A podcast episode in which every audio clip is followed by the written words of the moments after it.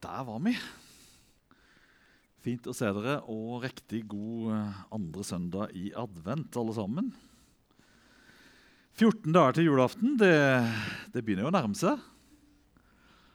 Det, å komme her og se juletreet og lyset og alt sammen, så kjenner en jo at det skal snart bli godt å ha jul. Og ikke bare det å feire, for det blir veldig fint.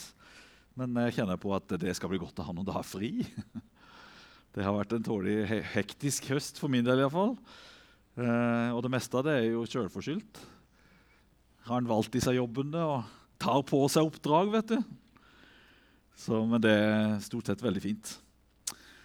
Um, og så Det der skal jeg snakke om i dag, så det skal jeg straks komme tilbake til. Men jeg tenkte jo at aller først må jeg jo få gratulere dere med en kommende ny hovedpastor.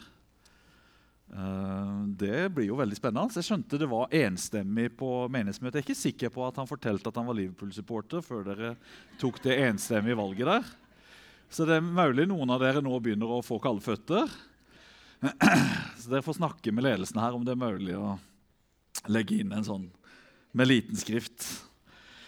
Men jeg skjønte Asle og Monica hadde vært her på julemessa, og flere av dere, og mange ble kjent litt med de der. Jeg var så heldig å få være på noe vi kalte for fordypningskurs eh, i 2016-2017. Det var ikke i pastoral ledelse, men det handla rett og slett om en fordypning i uh, trua på Jesus. Så vi fikk være sammen på jeg tror det var fem eller seks mindre retreater over halvannet år.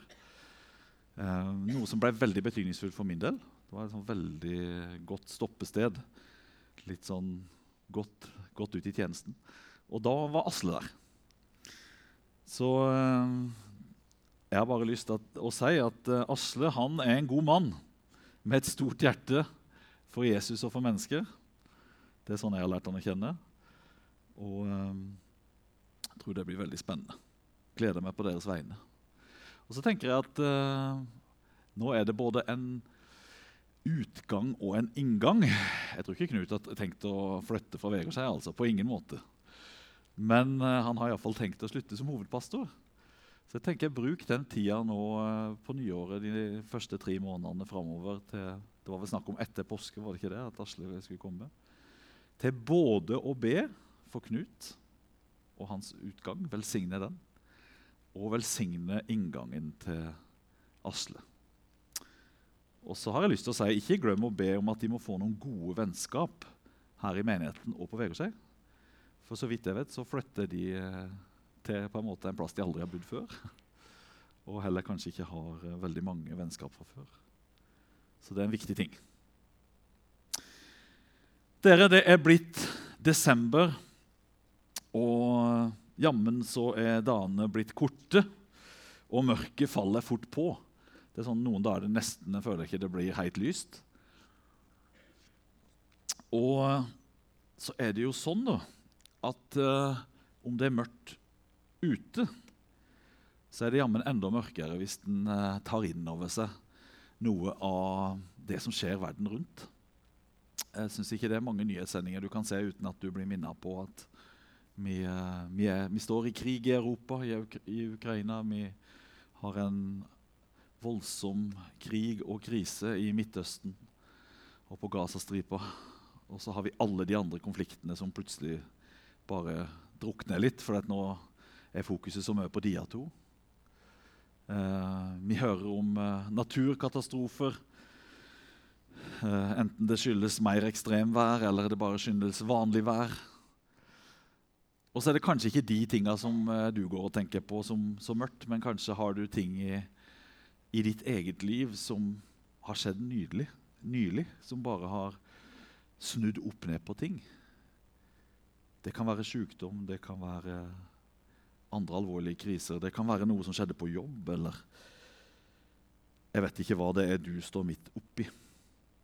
Jeg kjente iallfall på det at i denne tida her så trenger vi lys. Og vi trenger håp. Og hva er vel bedre i advent når vi ser framover mot eh, jul og julaften og minner oss om at Jesus er verdens lys og verdens håp. Og han kan trenge gjennom et hvilket som helst mørke. Så jeg hadde, hadde lyst til å snakke om at Gud, han er ikke ferdig med historia ennå. Enten det gjelder din personlige historie, eller det gjelder den store verdenshistorien. Og det som er sannheten, det er at Guds rike det kan gå fram selv på de mørkeste steder. Enten det er i ditt eget personlige liv, eller det er i den store historien som utspiller seg på verdens arena. Og I Vågsby misjonskirke så har vi denne høsten holdt oss i apostlenes gjerninger. Og Vi skal bruke to kapittel. Og bare slapp helt av, Jeg skal ikke gå gjennom vers for vers. Eh, men jeg skal ta utgangspunkt i to kapittel i Apostelens gjerninger. Og De må du gjerne lese for deg sjøl alt sammen når du kommer hjem. Men det er kapittel 11 og kapittel 12.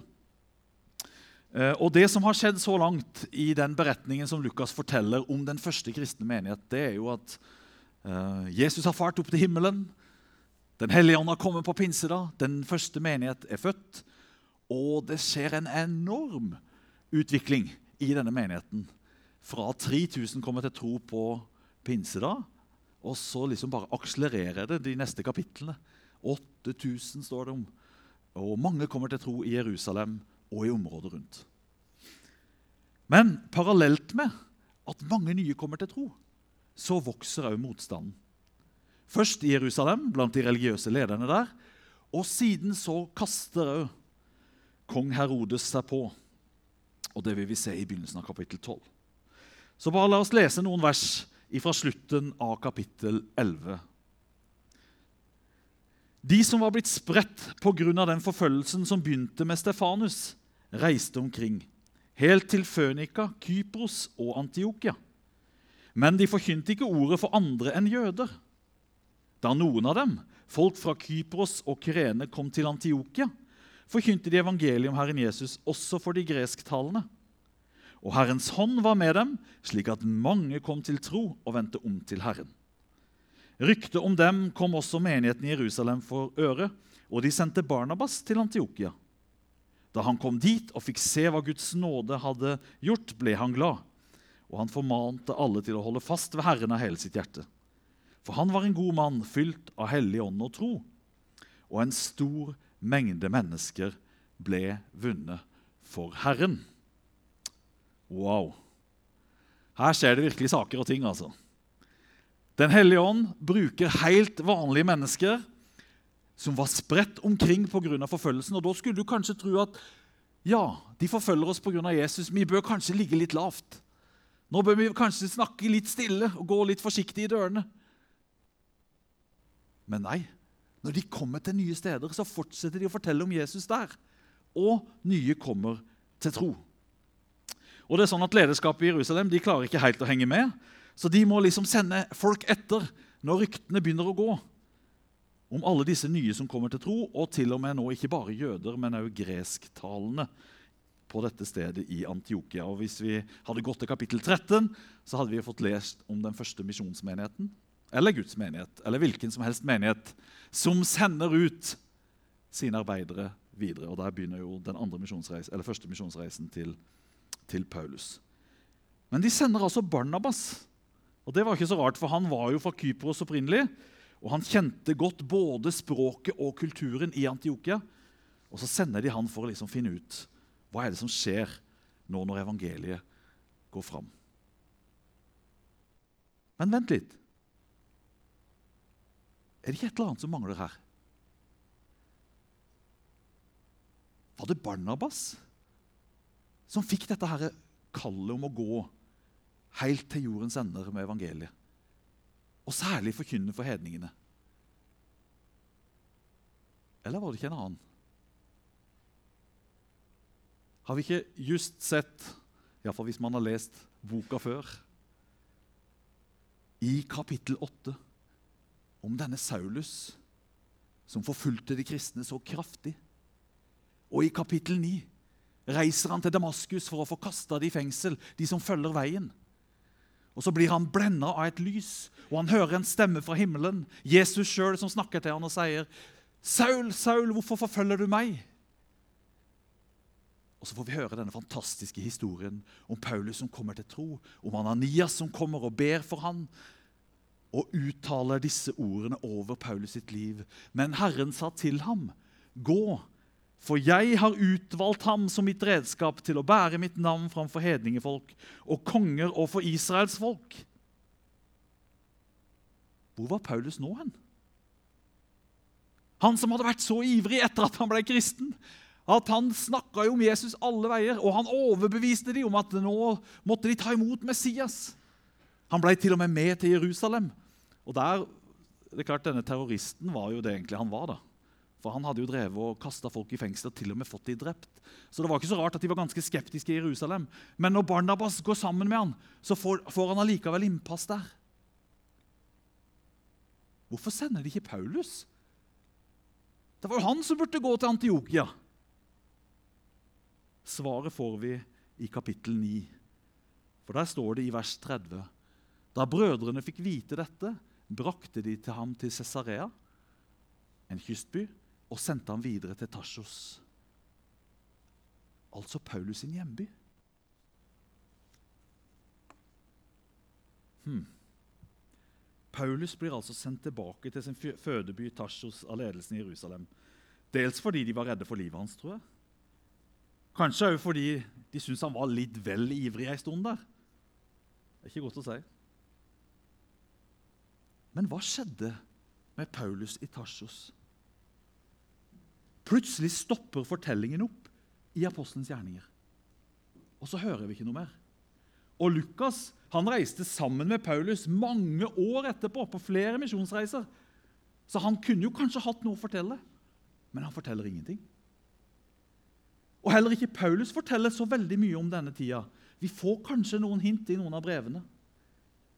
Men de som virkelig har studert dette og forska på det, de mener at i en periode på seks til ni år blir det helt stille.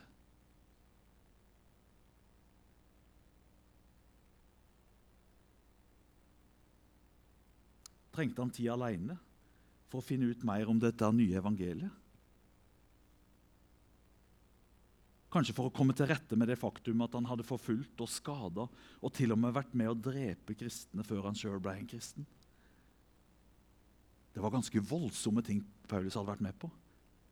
Bare tenk deg når han møter noen av disse familiene som han har kasta i fengsel. Eller kanskje til og med har vært med og sørga for at noen av dem mista livet.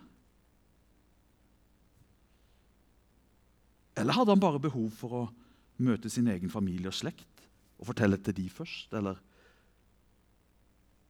ble han litt sliten og desillusjonert? Gikk han litt på veggen etter den første tida, eller? Vi vet ikke. Det vi vet, er at i en periode av Paulus' sitt liv på seks til ni år så hører vi ingenting.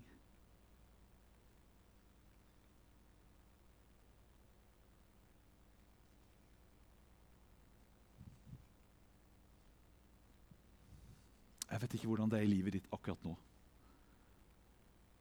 Men hvis man lever lenge nok, så vil det komme perioder av livet hvor en opplever at det sto litt stille. En hadde kanskje tenkt at det skulle gå sånn. Både i troslivet sitt og i karrieren og hva som helst. Og plutselig så tar livet en sånn en turn. At en noen ganger kan oppleve at jeg nesten lever litt på sida av meg sjøl. Det var ikke sånn jeg hadde planlagt at det skulle være.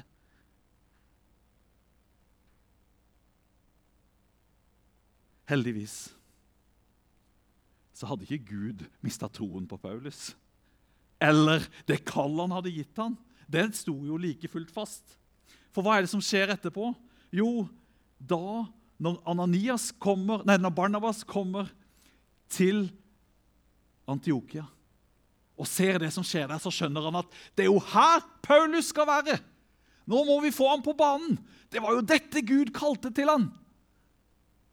Så han drar til Paulus sin hjemby, Tarsos,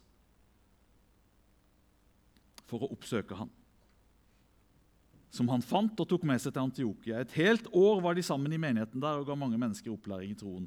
Det var i Antiokia disiplene for første gang ble kalt kristne.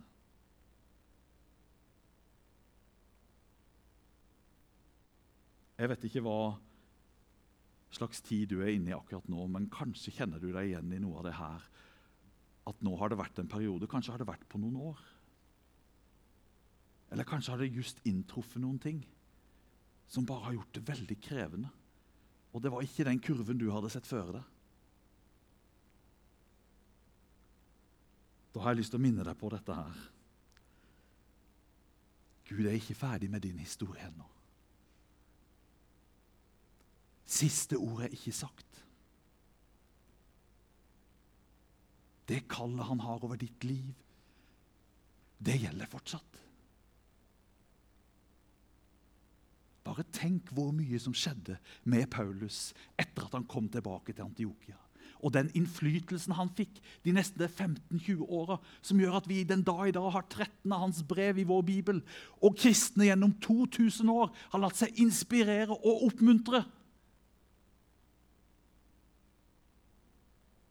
Men det var stille i seks til ni år.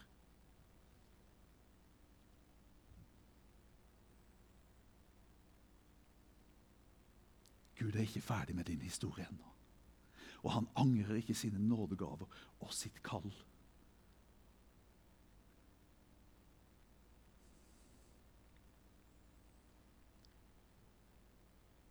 Og kanskje Gud kaller noen i denne forsamlingen til å være en Barnabas som tenker Jeg må gå til han der. Eller jeg må gå til hun der. Barnabas ble jo kalt oppmuntringens sønn. Og det var jo fordi at Han var jo den som særlig gikk på sida av folk og sørga for at de kom liksom på banen. Her var det Paulus. I neste omgang så skulle de ut på sin andre misjonsreise. Og Da ville jo Barnabas ha med seg Johannes Markus, men det ville ikke Paulus. fordi han hadde jo stoppa halvveis på den første reisen. Og Så ble det en krangel, og så reiser Paulus med Silas. Men hva gjør Barnabas? Han tar en runde til med Johannes Markus. Får han ned på banen igjen. Kanskje det er folk på Vegårshei som har tilknytning til denne menigheten, og kanskje fortsatt står her som medlemmer, men det er lenge siden de har vært en del av dette fellesskapet. Kanskje har det vært stille i seks, ni, tolv eller 15 år. Jeg vet ikke. Gud er ikke ferdig med denne historien ennå. Kanskje han kaller noen av dere. Kanskje ser du for deg noen allerede som du skulle gå til og heie litt ekstra på. Og be for. Og oppmuntre.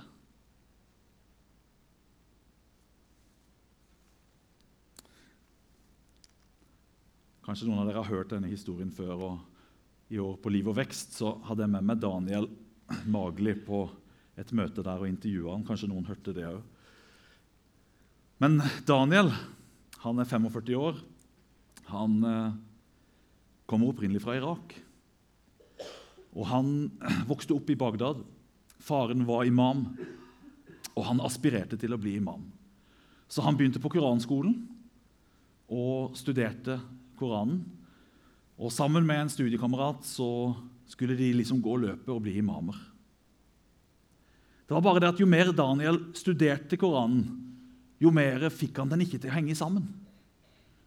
Og det var flere og flere spørsmål som meldte seg. Og til slutt så bestemte han seg rett og slett for å skrive en bok. Han skrev en bok som het 500 Misconceptions in Islam. 500 uoverensstemmelser i islam. Og Så ga han den ut i Bagdad, og det var jo kanskje ikke det smarteste du gjør. I alle fall ikke når faren din er imam. Det er vel eh, tolv år siden nå. Så ble han bannlyst av familien.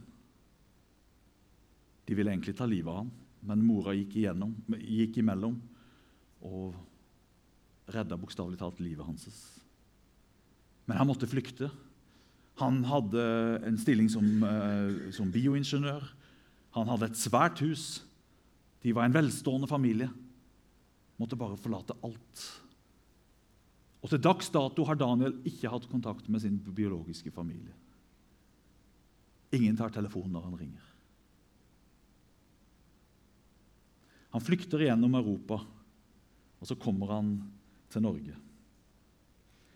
Og en eh, lang historie kort så ender han opp på et alfakurs som de arrangerer i Philadelphia Kristiansand. Og en av pastorene der, Jan Kjosavik, som nå eh, jobber i Åpne dører, og som bl.a. har shelter i Kristiansand, han arrangerer alfakurs. Det er bare det at det er bare én som har meldt seg på. Det er Daniel. Og Jeg har vært med på en del alfakurs, men vi har aldri bare hatt én deltaker. Vi har hatt tre. da. Og Vi valgte å gjennomføre, for det var etter jeg hadde hørt denne historien om Daniel. nemlig. For Jan bestemmer seg for at jeg skal jammen gå på sida Daniel og investere i ham.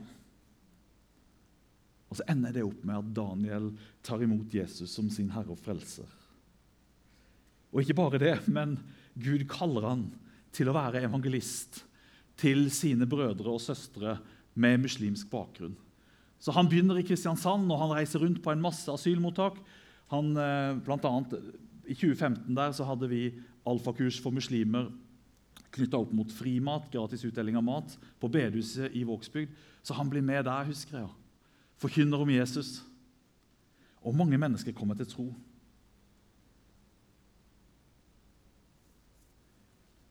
I morgen så skal jeg på lunsj til Daniel. For nå er han akkurat kommet hjem fra Libanon. Siste halvannet året har han vært der. Nå er over 90 voksne personer, syrere med muslimsk bakgrunn, kommet til tro. Sist jeg snakka med han, så hadde de en gudstjeneste med 350 personer. De har alfakurs hver uke. Daniel han er en veldig nøye person. da. Så Han har skrevet opp i ei egen bok alle de personene som han har kommet i kontakt med og bedt for. I den boka så vet jeg at det står over 500 navn på enkeltmennesker han har ledet til tro på Jesus. Du skjønner det? At selv om det ble veldig mørkt i Daniel sitt liv i en periode, så var ikke Gud ferdig med den historien ennå. Og han er fortsatt ikke ferdig med den. Jeg ber fortsatt sammen med Daniel om at han skal få møte sin biologiske familie. Og vi ber om at de skal komme til tro. Men selv om det så ut som om alt var slutt, så fantes der en vei. Og midt i alt det mørke og vanskelige så har lyset brutt igjennom og Jesus har fått møte nye mennesker.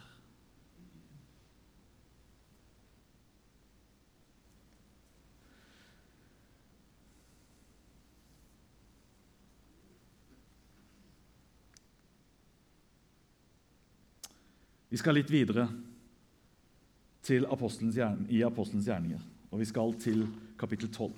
Jeg skal ikke lese alle de versene der, men det er i det området vi beveger oss. For Plutselig så skrus på en måte dette med forfølgelsen enda mer til. Herodes Agrippa, barnebarnet til Herodes den store, han som var konge da når Jesus ble født. ikke sant? Han er nå på tronen, og han ville gjerne glede de religiøse lederne og få mer aksept fra de. Så han sørger for å få Jakob, Johannes sin bror, henretta. Han blir halshogd. Ikke ulikt enkelte ting vi har sett på videoer spredt utover hele Internett av hva som har skjedd med kristne rundt om i verden for ikke lenge siden. Og Når han skjønner at det tas veldig godt imot av de religiøse lederne, så tenker han da går vi for Peter. Han er jo en av de store lederne. Og Han får Peter kasta i fengsel, og planen er at så fort høytiden er ferdig, så skal det samme skje med Peter som skjedde med Jakob. Han skal henrettes.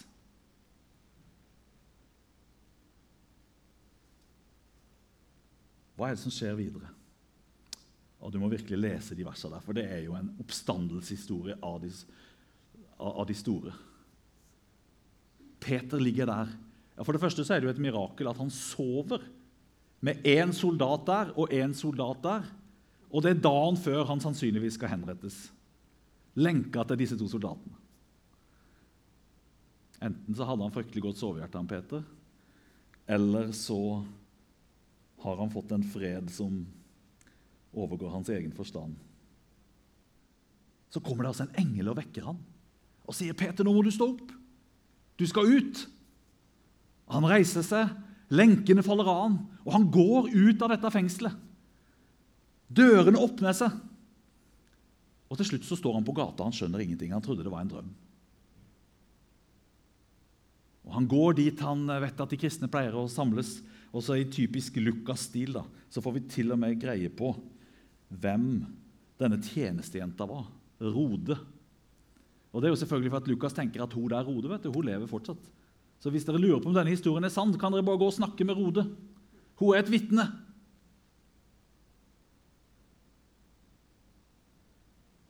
Wow, dette er en fantastisk historie. Og menigheten har til og med vært med og bidratt. Bare les her. Peter ble da sittende i fengselet, og imens ba menigheten inderlig til Gud for ham. Men vent nå litt. Ba, de ikke for Jakob?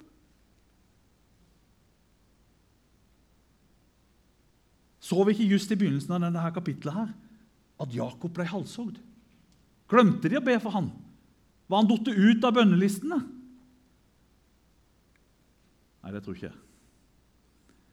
Jakob var en kjær bror og en viktig leder. De hadde ikke glemt å be for ham.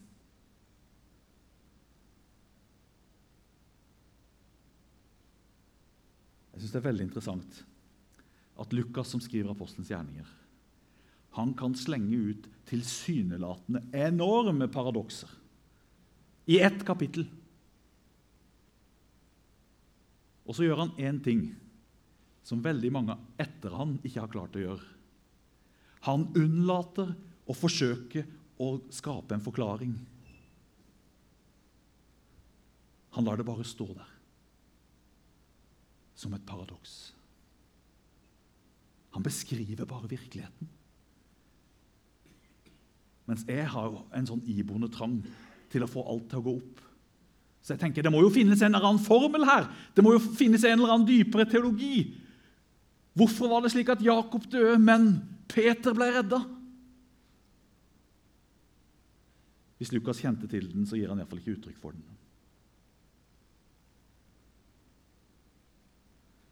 Jeg har lyst til å låne dere Peter Haldorf sine ord i boka 'Åndens folk', som for øvrig er en kjempebra bok å lese som eh, parallelt med at du leser Apostelens gjerning. For det er en gjennomgang av Apostelens gjerninger, så sier han det kan se ut som et paradoks som er vanskelig å fordøye. På den ene siden kjemper de i bønn om helbredelse og utfrielse. På den andre siden lar de ikke uteblitte mirakler bli årsak verken til selvbebreidelse eller bitterhet mot Gud. I stedet får det dem til å bøye seg enda dypere under den Guds veier, hvis, er, hvis veier er høyere enn våre veier, og hvis tanker er større enn våre tanker.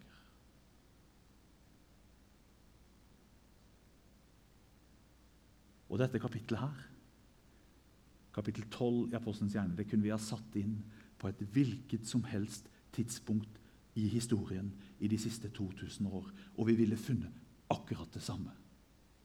Mennesker som gir livet sitt eller ofrer livet sitt, eller hvor livet blir tatt fordi de tror på Jesus.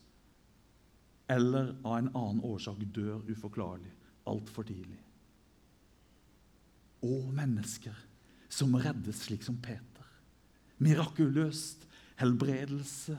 Noen til og med reist opp fra de døde. Kirkehistorien er full av sånne historier.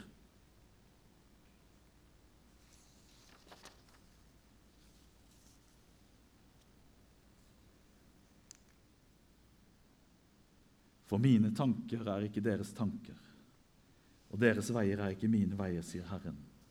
Som himmelen er høyt over jorden, slik er mine veier høyt over deres veier, og mine tanker høyt over deres tanker. Jeg tenker at vi har lov til å bli sinna på Gud. Og vi har lov til å komme med alle våre spørsmål og anklager når vi ikke forstår. Hvis du lurer på om det fins i Bibelen fra før, så er det bare å begynne å lese Salmenes bok. Og så vil du finne ut at David han kan lovprise Gud i det ene verset, og så kan han uttrykke sin vrede og frustrasjon i det andre verset. Gud tåler det veldig godt. Men fra det så har vi et valg. Vil jeg tviholde på at jeg sjøl sitter med hele bildet og den rette forståelsen, eller vil jeg på nytt overgi meg i tillit til at Gud er god, og bare Han ser hele bildet? Jeg tror ikke Gud forårsaker noens død, jf. Jakob her. Men jeg tror han har et større bilde som kan gi lys og kraft midt i det som er krevende og vanskelig. Fordi han er fortsatt god. Jeg har måttet gå mange runder med det gjennom mitt liv når jeg har møtt på krevende ting. Når jeg har stått ved kreftsyke som ikke har blitt friske, som jeg har bedt for. Eller når en av mine nærmeste kamerater som jeg var med uka før, tok livet sitt. Og mange, mange andre ting. Men da går jeg tilbake til Jesus. Og Så ser jeg han dypt inn i øynene. Og så spør jeg han, er du fortsatt god. Og så trenger han egentlig ikke svare, for jeg ser det dypt inn i øynene hans. Jeg ser det på hver side i evangeliet. Jeg ser det gjennom hele apostlenes gjerninger. Jeg ser det gjennom hele kirkens historie. At ja, han er god. Han er Herre. Hva er å tro?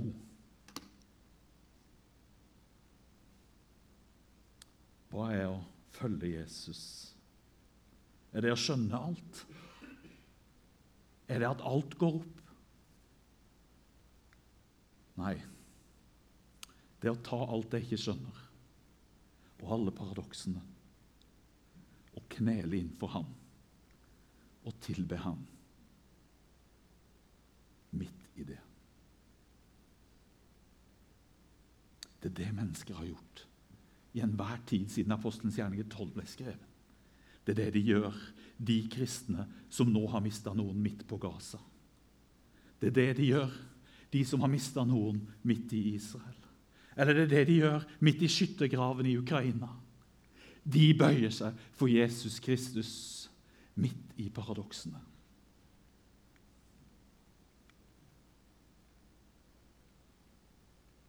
Oh, jeg må ha noen minutter til, for det kommer en enorm godbit på slutten her. altså. Fordi Hvordan slutter dette kapittel 12? For vi kan jo begynne å lure på Men her ser det jo ut som Herodes har alle korta på sin hånd. liksom. Her ser det jo ut som det er fienden som seirer. Historien er ikke ferdig ennå. Verken din historie eller verdenshistorien for se hva som skjer i slutten av kapittel 12. På den fastsatte dagen tok Herodes på sitt kongelige skrud, satte seg på kongetribunen og talte til dem. Folket ropte da til ham, 'Her taler en gud, ikke et menneske!' Øyeblikkelig slo en Herrens engel ham fordi han ikke hadde gitt Gud æren. Han ble spist opp av mark og døde. Lukas altså, han tar med, han tar med mange forskjellige ting. Og ikke bare tar han med forskjellige ting, men den jødiske historikeren Josefus han bekrefter i sine skrifter nettopp dette Lukas beskriver. Under de årlige lekene som ble holdt i det store amfiteatret i Cesarea, får Herodes plutselig akutte magesmerter etter at folket har uttalt at han er Gud. Dette skjedde på keiserens fødselsdag i år 44, og fem dager senere døde han. Du skjønner, Verdens herskere, enten de heter Herodes, Putin, leder av Hamas, Netanyahu, president Biden eller hvem det måtte være, de har begrensa makt i en begrensa tid. De kan volde mye skade, og de kan gjøre mye godt. Men de har aldri siste ordet. Det er det Guds rike som har. Og Guds rikets konge Jesus Kristus. Her i, i september så fikk jeg møte to ukrainske pastorer i Spania. Han ene forteller at han bodde i en by som var helt på krigsfronten. Så når krigen brøt ut, og der står fronten ennå, så ble hans jobb som pastor det ble å, å få alle sammen egentlig til å flykte, for alle i menigheten ville flykte. Det var 72 medlemmer pluss barn. Og etter en kort stund så hadde han hjulpet alle sammen ut. Han tenkte nå er vel min oppgave over. Og Så er han i bønn, og så opplever han at Gud sier til ham du skal reise tilbake til byen og fortsette. Ok, Han har fått plassert familien sin fire timer vekk fra krigsfronten. Og så sykler han tilbake til denne byen. Og Så begynner han å forkynne evangeliet for de en tredjedel av menneskene, ca. 70 000, som var igjen i den, i den eh, byen. Når vi treffer han i september, så er det gått da nesten halvannet år. Så forteller han til meg Nå sist søndag, sa han, så måtte vi ha fire gudstjenester. Og det var 900 mennesker som kom. Nå i august så hadde vi dåp for 50 nyfrelste. Ja, det er krevende, sier han. Jeg er redd hver gang jeg reiser dit. Jeg har bokstavelig talt vært på sykkelen og merka nærmest kuleregnet over meg. Men jeg kan jo ikke annet enn å gå dit når Jesus møter mennesker, og lyset bryter igjennom mørket.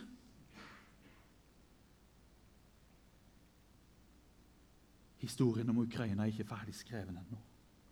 Historien om enkeltmenneskets liv er ikke ferdig skrevet ennå. Her Bare for 14 dager siden så fikk jeg være i Onest i Romania. Og I Podori, en liten landsby av romfolk som ligger en time fra denne byen Onest, som er en by på ca. 60 000, der har Dorte og Cornell, som er til venstre på, på dette bildet, han er rumener, hun er dansk. Vært misjonærer for Det danske misjonsforbund og Misjonskirken Norge siden 2006. Litt interessant, De starta arbeidet der, planta arbeidet akkurat samtidig med at vi planta Vågsbygd misjonskirke. Så de har holdt på like lenge. I denne landsbyen var det et, et stort mørke. Veldig mye av mennene var alkoholisert. De skjøtta ikke sine familier godt. Det var mye elendighet så begynner mennesker å komme til tro. En av de første det var Carolina, hun som står på sida med der. Hun var en av de første som kom til tro for 16 år siden. Nå er det en livskraftig menighet der. De er jo kreative på hvordan de bygger menighetslokalet. Og nå er det mange hundre mennesker som er berørt. Historien var ikke ferdig skreven for denne landsbyen.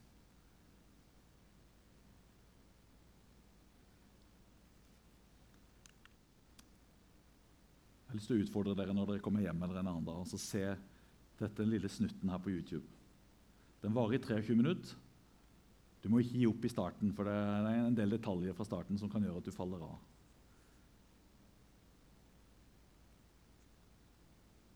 Men det er en historie om eh, en jøde og en araber som er gift. Og så kommer jo ja, Jeg skal ikke spoile dere, for dere må se den helt til slutt.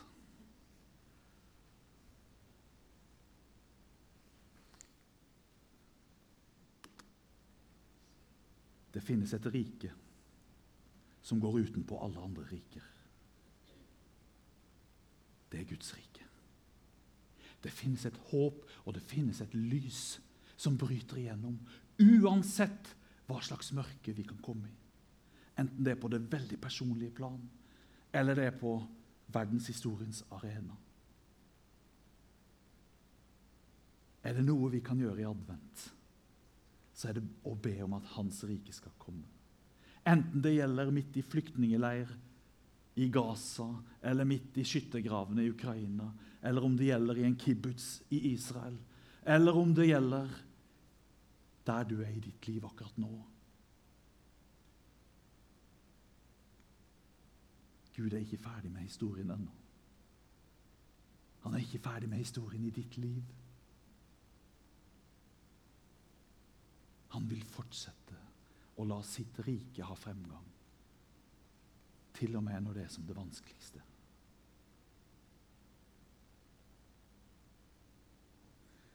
Jesus Kristus, jeg har bare lyst til å takke deg og prise deg for at du er kongenes konge og herrenes herre. Og når ikke vi skjønner noen ting, og vi roper ut i desperasjon, så vet vi at du en gang ropte ut 'Min Gud, min Gud, hvorfor har du forlatt meg?' For at du aldri skulle forlate oss. For at du alltid skulle være tilgjengelig. Kanskje ikke følbar slik vi ønsker det alltid, men reelt med ditt nærvær. Jeg har lyst til å be for de som er i denne forsamlingen i formiddag, som kjenner at akkurat nå er det bare mørkt. Jesus, kom med ditt lys. Kom med din kraft. Kom og vis at du er kongenes konge og herrenes herre. At du fortsatt holder historien i dine hender, og du er ikke ferdig med den. Jesus, vi vil tilbe deg og løfte deg opp. Og vi ber Jesus om at ditt rike må komme her på Vegårshei. Ditt rike må komme i landet vårt. Ja, ditt rike må komme over hele verden. I ditt navn.